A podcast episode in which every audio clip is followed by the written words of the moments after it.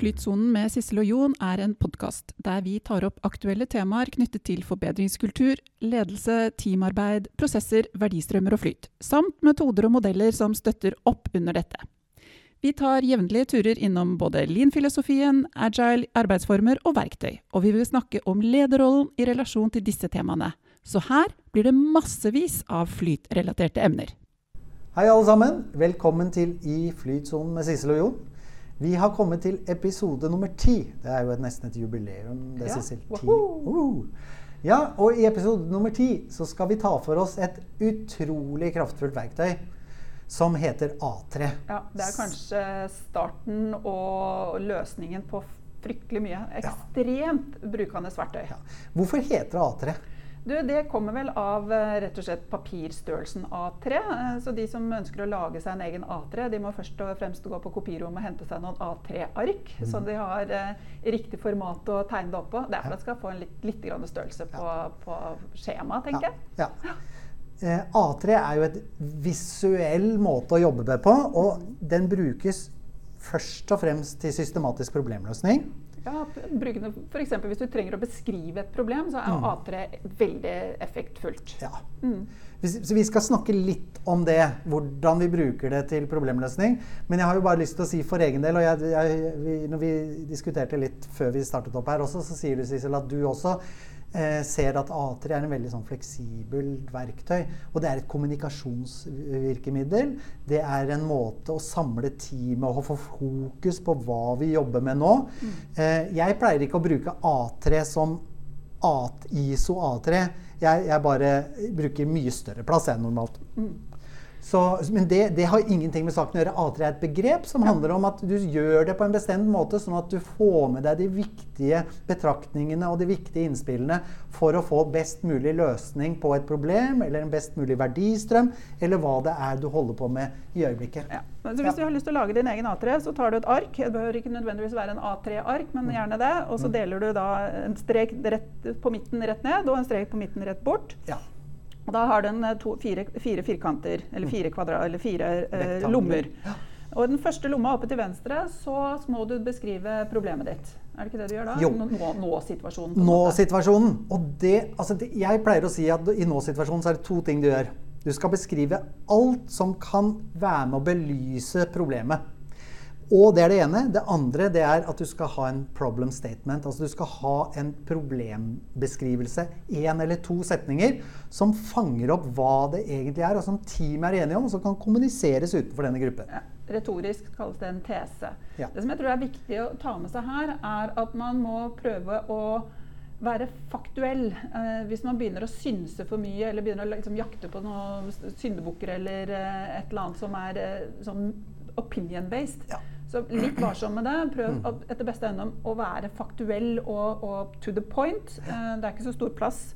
Eh, har du noen figurer, så bruk gjerne det, men det er, ikke, det er et eller annet med å fatte seg litt i korthet også. Men en god tese og en god problem statement, ja. det tror jeg er Ja. og faktuelt. Og der skal du også ha med symptomene. For det er det du ser, er et innmari godt utgangspunkt for å komme videre. Det er jo noen som sier at symptomene er jo bare leder deg på gale veier. Jeg mener helt motsatt. Symptomene er med på å beskrive problemet, selv om du ikke har funnet rotårsaken. Mm. og noen ganger finner du ikke rotårsaken heller. Det kan Mm. Ja, vi komme til senere. si. Mm. Jeg har jo eh, ofte når jeg jobba med A3, gått ned i den uh, boksen under, men så Mm. sier Jon til meg at nei, ikke gjør det, Sissel. Gå til den boksen til høyre. Eh, Ja. For der skal det nemlig stå noe helt annet. Ja. Ønsket situasjon skal det stå i den eh, boksen som er rett til høyre. Oppe til høyre. Oppe til høyre, ja. Så øverst til høyre så, så, så er det ønskesituasjon, mens oppe til venstre er det nå-situasjon. Ja. Og det har jeg lært meg Jeg har vel lest litt om det en gang i tiden, men det som Når jeg har vært leder og jobbet med det og, og vært ute i næringslivet, og ikke bare som konsulent som jeg er nå, så fant jeg ut, sammen med de andre jeg jobbet med, at du stiller spørsmålet Hvordan ser verden ut når problemet er løst? Eh, eller vi kan stille det på en annen måte. Hvordan vet du at du har et problem hvis ikke du vet hvordan det ser ut når problemet ikke er der? Ja. Det er en ganske sånn fin måte å trigge på. Fordi at når du jobber med hvordan det ser ut når problemet er løst, så får du masse bonuseffekter òg. Ikke bare liksom den enkle eller den snevre løsningen på et snevert problem. Ja. Du får masse innspill til forbedringer som du kan ta hensyn til og prioritere på det nivået som det hører hjemme. Så du kan, liksom, Hva er det vi ønsker å oppnå? Hvorfor, hva er det vi ser for oss at kan være en, en god løsning på, Ja. på vårt problem? Og gjerne billedgjøre det. Jeg synes det er så fint hvis ting kan være litt visuelt. Hvis vi klarer å tegne oss opp et drømmebilde, Ja. da har vi kommet veldig langt. Jeg pleier å tegne opp når du har f.eks. symptomene. Så pleier jeg å tegne opp en liten del av verdistrømmen hvor vi ser symptomene. For da enes vi om Ja, riktig, sånn, ja. Eh, det, her har vi det. For da, da kommuniserer vi om det som vi ser. Og så blir vi enige om det. Og så er det viktig det du sa i stad. Både på nå-situasjon og på ønsket situasjon så må vi måle litt. Ja. Vi kan ikke bare beskrive en ønsket situasjon uten at det er et eller annet som forteller oss når vi er der, med litt mer faktuell uh, informasjon. Ja? Det, det å ha noen ha et utgangspunkt, en baseline. Jeg tror både Taichi Ono og Duran sa vel at uh, without, without a, a standard or, or without a baseline there can be no improvement. Vi må jo vite hvor vi står. Eh, og da må vi også vite, kunne gjøre det litt sånn tallmessig. Ja. Eh, så enten om det er eh, variable tall eller det er eh, at- attributtall, at du teller eller du måler, så er det et eller annet med å ha noen form for tall på det. Ja. Eh, så vi skal gå fra X til Y innen Z med tall. Mm. Og så, når vi, har, når vi har beskrevet nå-situasjonen grundig, med alle tilhørende herligheter og en problemformulering, så vi, altså, legger vi like mye vekt på hvordan det ser ut i den ønskede situasjonen. Hva får vi da? Jo, det som er så bra vi får da, det er gapet. Yep. Ja, Vi får gapet mellom hvor vi er og hvor vi skal, og det er alltid et bedre utgangspunkt enn bare å hoppe rett inn i en eller annen problemløsning. For det, men det gapet krever ofte at du har måltall, ikke sant? for du skal fra et eller annet, og så må du ha noen kopier eller noen tall på fremtidig situasjon, ønskesituasjon, som sier noe om ja, men hvordan ser disse måltallene ut når vi ikke lenger har problemet? Og det er ikke så vanskelig som mange tror. Er det, men, men hvis vi, jeg, gikk ofte ned i den boksen nede til, nede til venstre. Denne analyseboksen. Eh, ofte så er det snakk om rotårsaksanalyser, eller at man gjør en eller annen form for fiskebein eller mindmap eller five wise eller et eller annet som gjør at man skal liksom grave seg ned i dette problemet og finne ut hvorfor er dette et problem. Um, hva er din erfaring med dette analyseboksen? Hva pleier du å putte oppi der? Ja, i, altså det, Hvis du bruker litt sånn Six Sigma-verktøykassen, som jeg kaller det, da, så fins det jo veldig mange verktøy som kan hjelpe deg å analysere. Alt fra statistikk til Altså, fem ganger hvorfor er for, jeg mener litt sånn overdrevet, eh, som veldig mange konsulenter bare kommer med. Still spørsmål hvorfor fem ganger, har, eller ca. fem ganger, så har du en eller annen løsning. Men den kan egne seg til ganske enkle problemer. Men da vet du ofte også løsningen, er min erfaring. Da, så det er litt altså, sånn. ja, så synes jeg ofte at den blir litt endimensjonal. Og som Mm, du sa i stad eh, før vi begynte å ta opp, men allikevel, du sa et eller annet om at hvis vi stiller feil why-spørsmål, så går vi i feil retning. Mm. Eh, så ofte så er det jo et why-spørsmål kan jo ha flere svar, og da blir det jo fort en type fiskebein eller et type mindmap. Det er sjelden at eh, man har liksom en sånn veldig eh, vi si, eh, direkte linje Mm. mellom problem og rotårsak. Ja. Og så er det faktisk sånn at eh, det er ikke alltid du finner rotårsaken. Eller noen ganger så finner du rotårsaken, men du kan ikke gjøre noe med den. Ja, ikke bare det. og Noen ganger så er det sånn Det å grave seg inn i en sånn problemstilling syns jeg ofte det er, kan være litt sånn nærmest ikke destruktivt, det er kanskje feil ord å bruke, men det er sånn eh, det gir oss egentlig ikke noe. Eh, Det blir bare å grave seg enda litt mer ned i de, desperasjon eller ja. Nei. Så, eh, men, men er det andre positive måter vi kan bruke dette analyse... Ja, fordi at altså, Poenget med analysen er å komme fram til alternative veier til mål. For det er ikke alltid sånn at det er én vei til mål. Eh, og de alternative veiene til mål de må du også prioritere ut fra hva vi har mest tro på gir deg den beste løsningen. Yes. Og da, så der kommer også den, litt den agile tankegangen inn. At hvis du har fem alternativer fordi du har ikke en klokkeklar løsning, så skal du rangere dem i din backlog, for å si det sånn. Mm. Og så skal du ta og trekke ut én og én, og så skal du se hvor nær er jeg den ønskede situasjonen. Og så forkaster du de som ikke virker, og så går du til neste. Og det er noe med det å tillate seg den type eksperimentering, mm. tillate seg den type uh, pilottesting, ja. og se an. og og ikke være redd for å feile, for at man mm. får så god læringseffekt av det. Så får man som regel en eller annen form for forbedring gjennom eh, mindre tiltak også. Så det er veldig verdifullt, det. altså. Jeg har en sånn innledende øvelse når jeg holder kurs i systematisk problemløsning. Jeg har tatt et bilde av taket til naboens hus. Eh, om høsten så ligger det masse blader på det taket, og det er tilløp til mose og alt sånt noe. Det gjør det hvert eneste år. Og så spør jeg hva er rotårsaken til at han stakkars litt eldre mann må opp med en rake på det taket hver eneste vår og så rydde. Og så sier alle ja, det må jo være noe trær i nærheten. og sånt. Ja, det er helt riktig. Og så viser jeg det store bildet hvor du ser taket i kontekst. Mm. Så ser du at det står et svært, flott eiketre ved siden av. Det får han ikke lov å hogge ned. Nei. Men rotårsaken er der. Men løsningen er ikke å hogge ned det treet, for det er ikke lov. Nei. Det er fredet. Ja.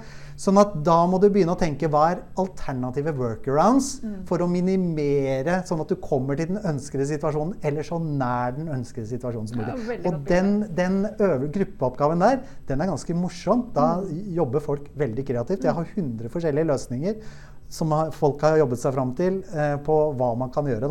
Det er, jo, så, det er jo det som er. Det er alltid utrolig mange alternative løsninger. Så det å bruke det, det er veldig godt innspill å bruke det istedenfor å liksom grave seg ned en eller annen rotårsak som man kan eller ikke kan gjøre noe med. Mm. Så det å analysere seg frem til ulike eh, mulige løsninger som kan være med på å bidra ja. til at vi når vårt ønskemål.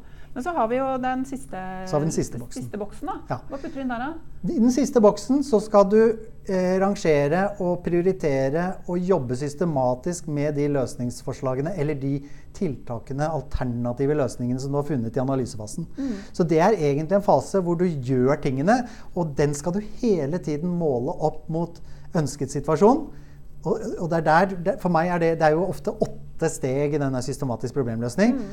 Eh, hvor åtteren er at du skal standardisere den beste praksisen som er resultatet av hele jobben. ikke sant? Mm. Men det sjette og sjuende da, det handler om at du hele tiden skal se Kommer jeg nærmere mål nå? Mm. Så det er en sånn prøve og feile, men systematisk fordi du prioriterer det du har mest tro på i teamet. Ehm, jeg har lyst til å bare fortelle litt om, om, en veldig positiv erfaring jeg hadde med, mm. med, A3. Jeg var konsulent hos en kunde. jeg skulle være der ganske lenge og hjelpe dem. En slags interimlederrolle. Uh, og de hadde flere ting de hadde lyst til å knekke tak i og jobbe med. Så jeg tror jeg lagde seks-syv A3-er eh, som et utgangspunkt for denne jobben. Hver A3 ble et prosjekt som vi gjennomførte med noen klare målsetninger. Og det var ting vi ønsket å oppnå, som da lå i dette øverste høyre bildet. Mål, mål, måloppnåelse. Eh, men da mitt oppdrag begynte å nærme seg slutten, et, et års tid etter eh, oppstarten, så var han eh, topplederen der. Han var litt sånn betutta, for han mente at vi hadde liksom ikke gjort noe. Mm. Det hadde ikke skjedd noe. Jeg hadde liksom ikke hatt noen effekt på eh, det som hadde foregått i virksomheten. Og det var jo et sånt konsulent, litt sånn nedslående kommentar å få. Men da trakk jeg mm. frem disse A3-ene. Kunne vise til hva vi ønsket å oppnå. Og så ja. visste han jo hva vi faktisk hadde oppnådd. Jeg lista opp opp mot det målbildet. Dette er det vi har gjort. Dette er det vi har fått til. Mm. Jeg har jobbet systematisk i den retningen ved hjelp av disse prosjektene og med dine ansatte.